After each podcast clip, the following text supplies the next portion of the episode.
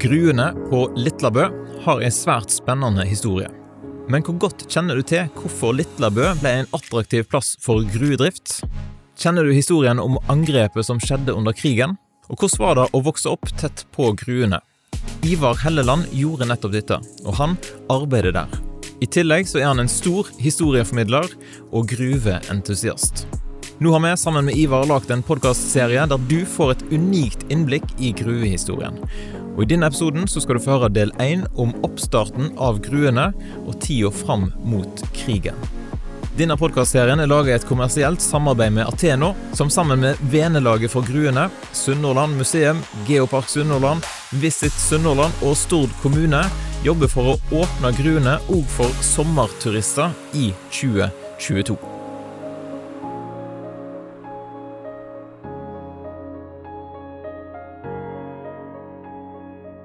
Svovelkis da ble vunnet ut på Litlabø for første gang i 1865, og Stord Kisgrue de hadde profesjonell gruedrift på Litlabø mellom 1907 og 1968.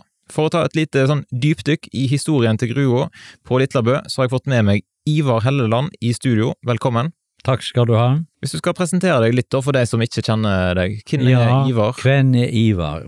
Han er en ekte gruegutt. Han er født og oppvoksen i Grua, i en liten arbeiderbostad på seks ganger seks, ei og ei halv høgd, og eh, har alle sine barneår der, til og med han var skal vi si, klar for militæret, 19 år gammel, så var jeg i gruemiljøet hadde min skolegang der og var praktikant på Storde Kistgruber fra 56 til 59, da jeg for i militæret.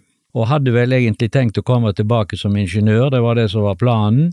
Slik gikk det altså ikke, men jeg kom jo tilbake til Stord seinere, etter eh, folk etter flere år eh, i andre steder i landet.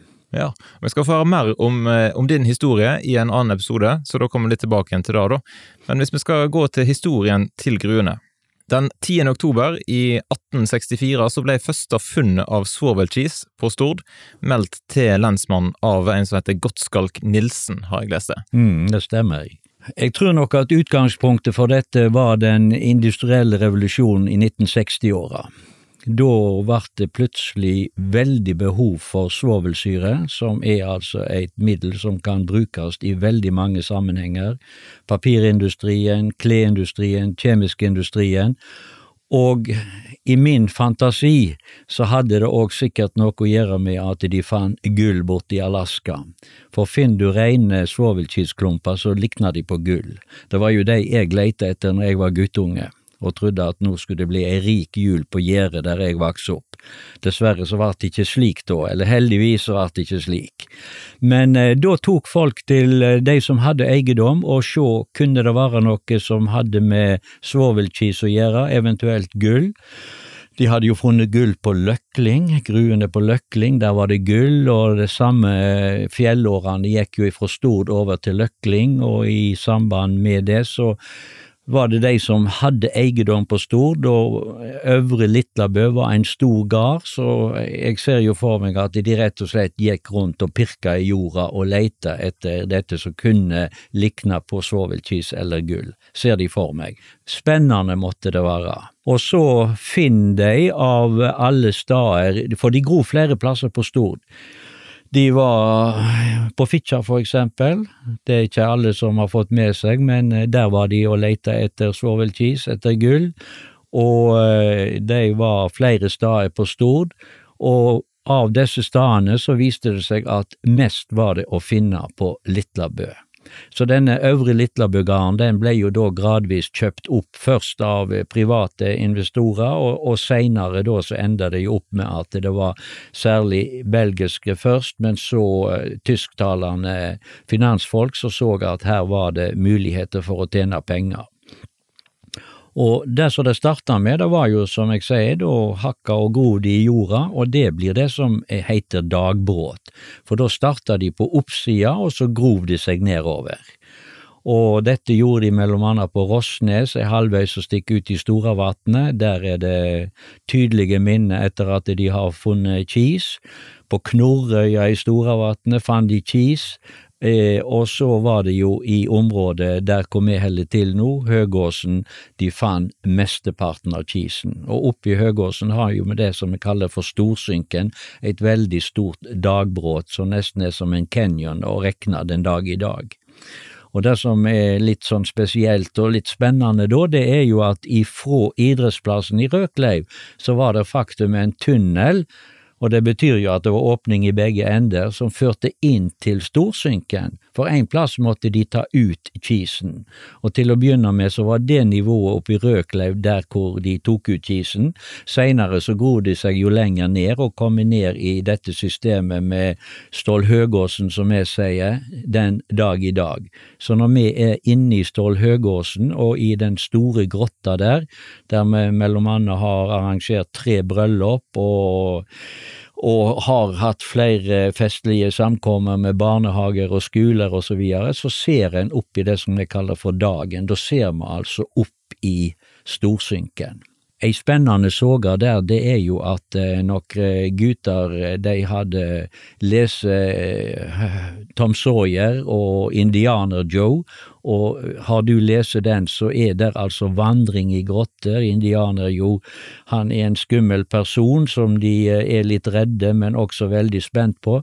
Så de var hjemme hos sine mødre og tinga seg garnnøster, og så sette de i gang, for da var det stearinlys, og så var det å gå og trille ut garnnøstet sånn at de hadde en vei å finne tilbake, og de tok da inn den åpningen ifra idrettsplassen i Røkleiv og i Storsynken, og så vandra de og kommer ned om lag der som vi har denne store hallen. Der møtte de jo på en stiger som holdt på å få sjokk, han så noe stearinlys som kom vaiende nedover, og noe gudfanter, så det ble et skikkelig oppgjør, for dette hadde de jo ikke lov til, men gud bedre meg så spennende det var, veit du. Skikkelig, skikkelig action.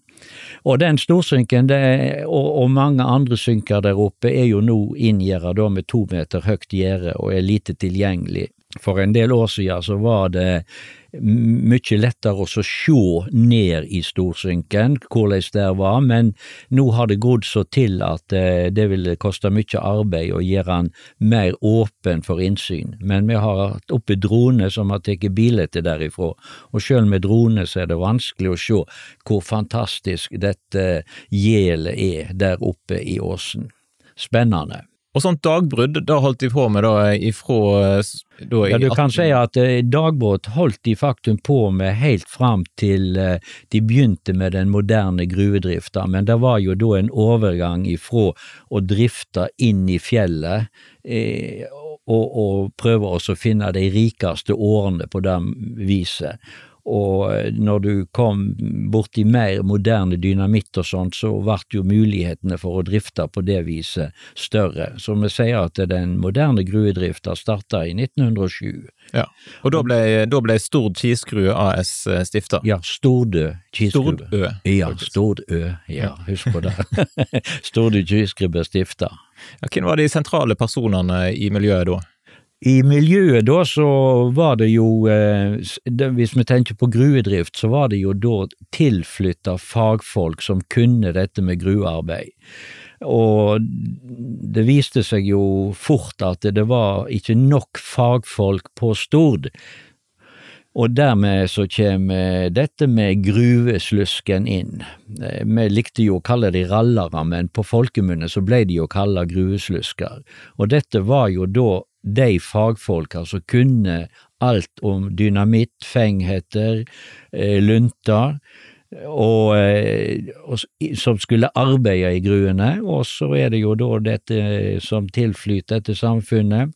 Bergingeniører, elektroingeniører, eh, kjemikere. Det var en veldig flott lab, et laboratorium, i tilknytning til Storde Kisgrubber. Mange har glemt det, men det hadde så høy anseing at det kom prøver ifra andre gruer til denne laben.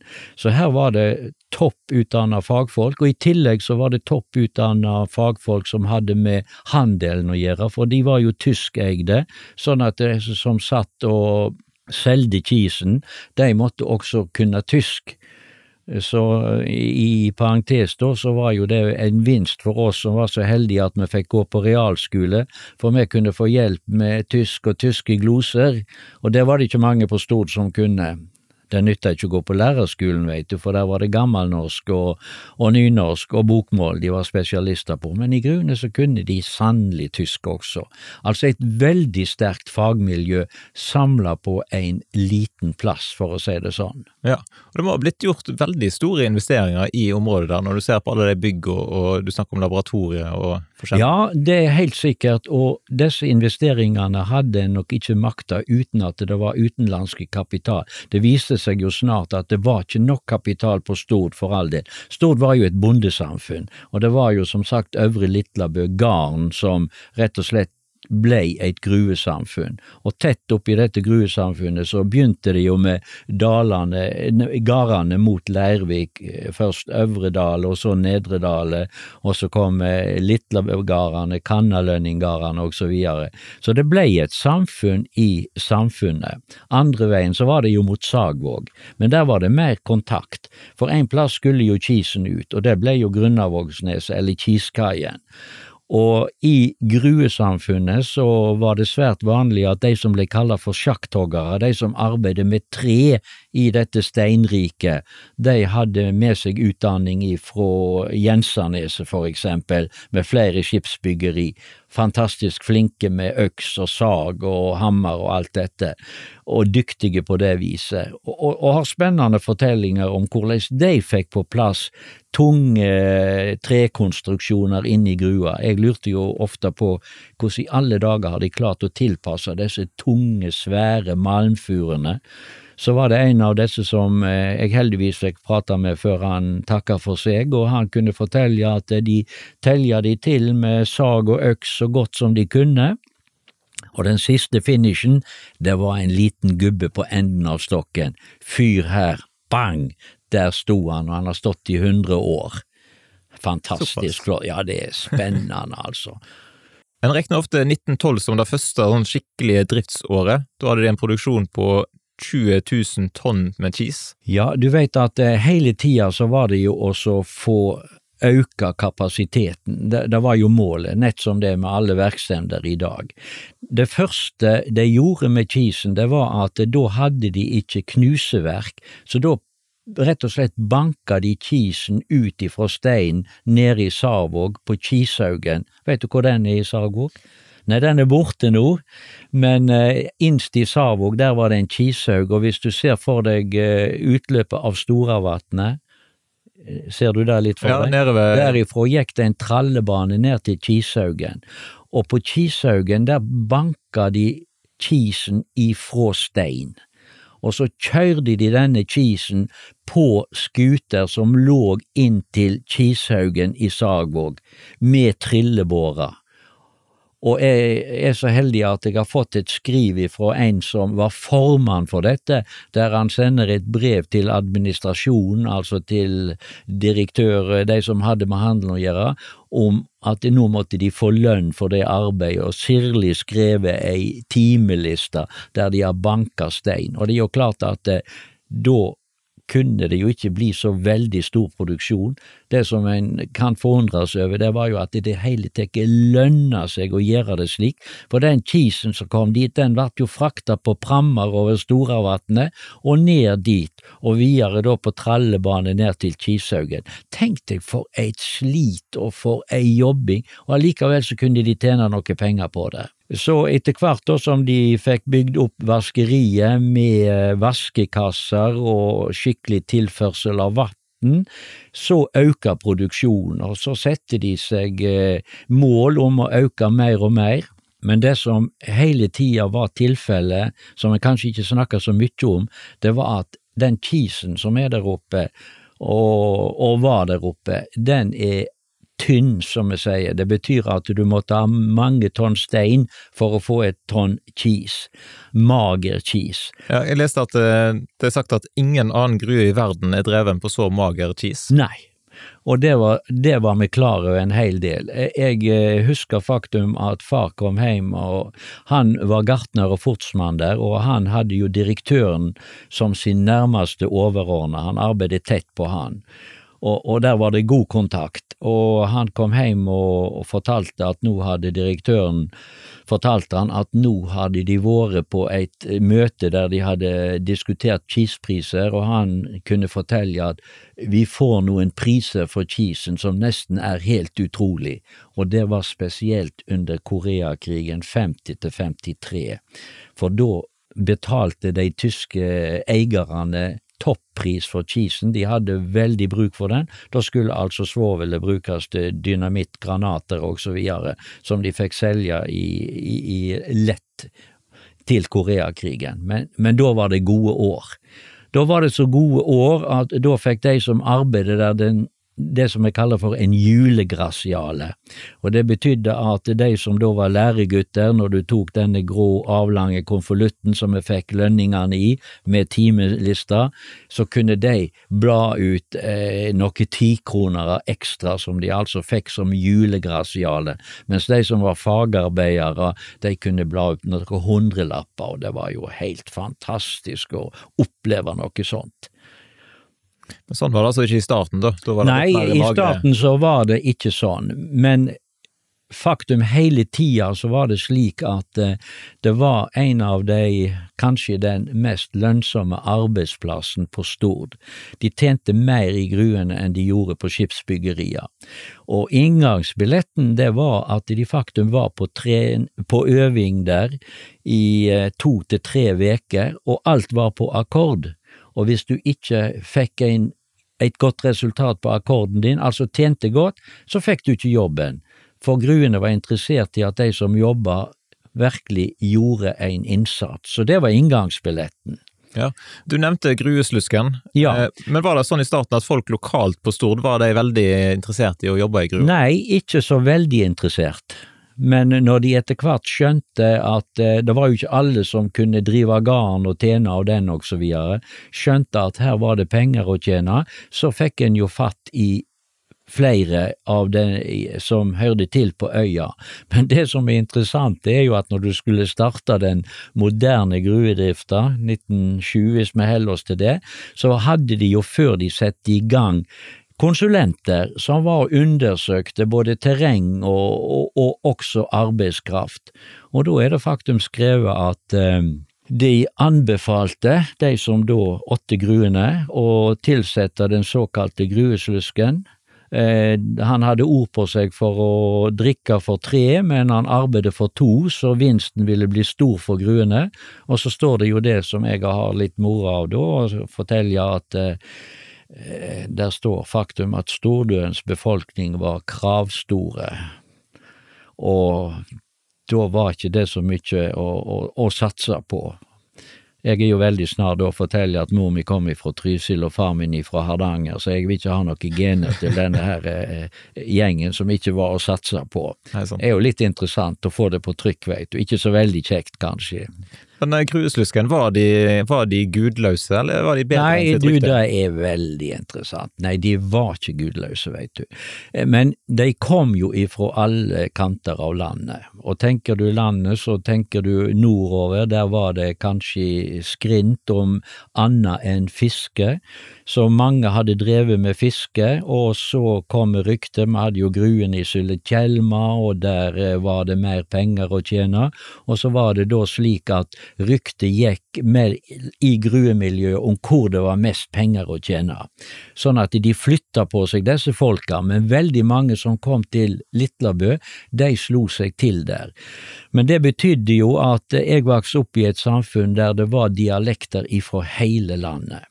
Og dette er jeg veldig stolt over, fordi at vi godtok alle dialekter. Du ble ikke terga for du snakka savågsmål, og jeg gruemål, og en annen nordlending, og mor mi kom ifra Trysil, like ved svenskegrensa, far min var harding. Det var et virvar av dialekter. Så seinere i livet så har jo jeg hatt stor glede av at jeg har ikke problem med dialekter. Jeg har jo skult rundt omkring i landet og vært militær rundt omkring i landet, så det var jo en rikdom å ta med seg. Men det som jeg setter mest pris på, det var jo dette at ingen ble terga for dialekten sin. Og der har vi mye å lære i dag, altså, når vi er så nøye på at det skal være slik eller slik, og er veldig snare å ape etter de som snakker annerledes, eller slenger drit til de. Ja, så det var veldig trygt og godt på det viset.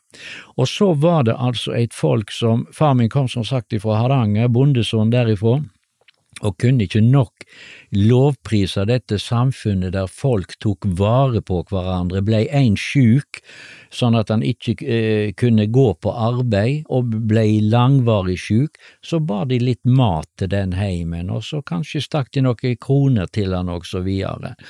Og det er jo eh, kanskje Det tenkte en ikke så mye på når en vokste opp, men seinere og så hvordan det var andre steder, så forstår en at her fikk en med seg et syn på medmennesket som er utrolig verdifullt, iallfall for meg som har vært i skole og har prøvd å oppdra den kommende slekta, ikke sant.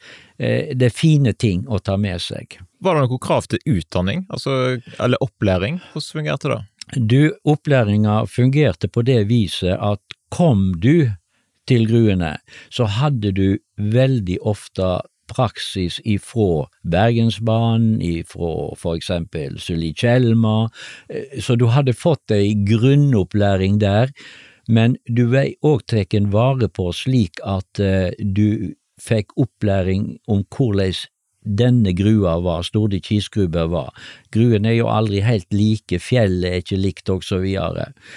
Og når en ser på um, ulykkesstatistikken, for den er skrevet grundig, så forundres jo jeg over hvor lite ulykker det var, når vi tenker på hvor farlig arbeidsplass dette var. Det ser en jo veldig godt hvis en blir med oss inn i stollene at det gikk an å arbeide under sånne forhold. Det var jo ikke stillas og så videre, det var smalt og det var høyt. Men eh, poenget var at eh, de arbeidet to og to, hadde ansvaret for hverandre. Og det ser jo jeg kanskje som den beste HMT-opplæringa du kan få. Jeg predika det veldig mye når jeg var rektor på yrkesskolen. Er dere to stykker, så passer dere på hverandre, og så ser dere dere om om det er noen andre dere kan komme til å ska eller være i fare for. Og når en nå kommer inn på nå er det Aker Solution og møter tavler med ulykkesstatistikker og så videre, så er jo den en god del høyere til tross for HMT-en enn det var i Gruene. En annen ting er at i Gruene så sa du ikke fra om du klemte en fing eller ei tå, men det må du jo gjøre nå, ikke sant, for det skal på statistikken. Så det kunne være en grunn, men altså sånn summa summarum så var det utrolig få stygge ulykker, men noe var det jo hele tida, for all del. Det var folk som omkom i, i samband med sprenging, det var folk som omkom i samband med klemming, og så videre. Så um, altså, en gikk ikke ifra dette arbeidet uten at en klemstra seg eller fikk ei blånagl eller sånne ting. Men likevel, når vi tenker på skotøyet for eksempel, Beksømsko, gummistøvler, ikke vernesko og så videre, og når de da står oppe i rett og slett steinrøyser og skal passe på steiner som kommer og skal laste vogner, så er det rett og slett utrolig at det har gått så fint som det har gjort. Og de andre som kom, var, fikk ei veldig grundig opplæring. Jeg begynte jo på mekanisk verksted som praktikant, og da var det et halvt år med de ulike aktørene. De som jeg husker veldig godt, det er jo mellom annet smeden Gjesdal. Det var et halvt år med han. Fyra opp i ESA så den var akkurat som skulle være når han kom. Så det betydde jo at når vi begynte klokka sju, på de fem første dagene så eh, måtte jeg være der en times tid før, for han var ikke fornøyd hvis ikke det brant akkurat sånn at han kunne stikke stålet inn i ESA og sette i gang. Og på lørdagen, da begynte vi jo en time tidligere, for da skulle vi jo slutte en time tidligere. Så fremdeles driver jo jeg og våkner klokka fem om morgenen i mitt 82. år, for det sitter i kroppen. Det var veldig flott når du arbeidet i skolen, jeg var alltid først, jeg var sjelden på skolen senere enn sju. Da hadde jeg full oversikt når lærerne og elevene kom.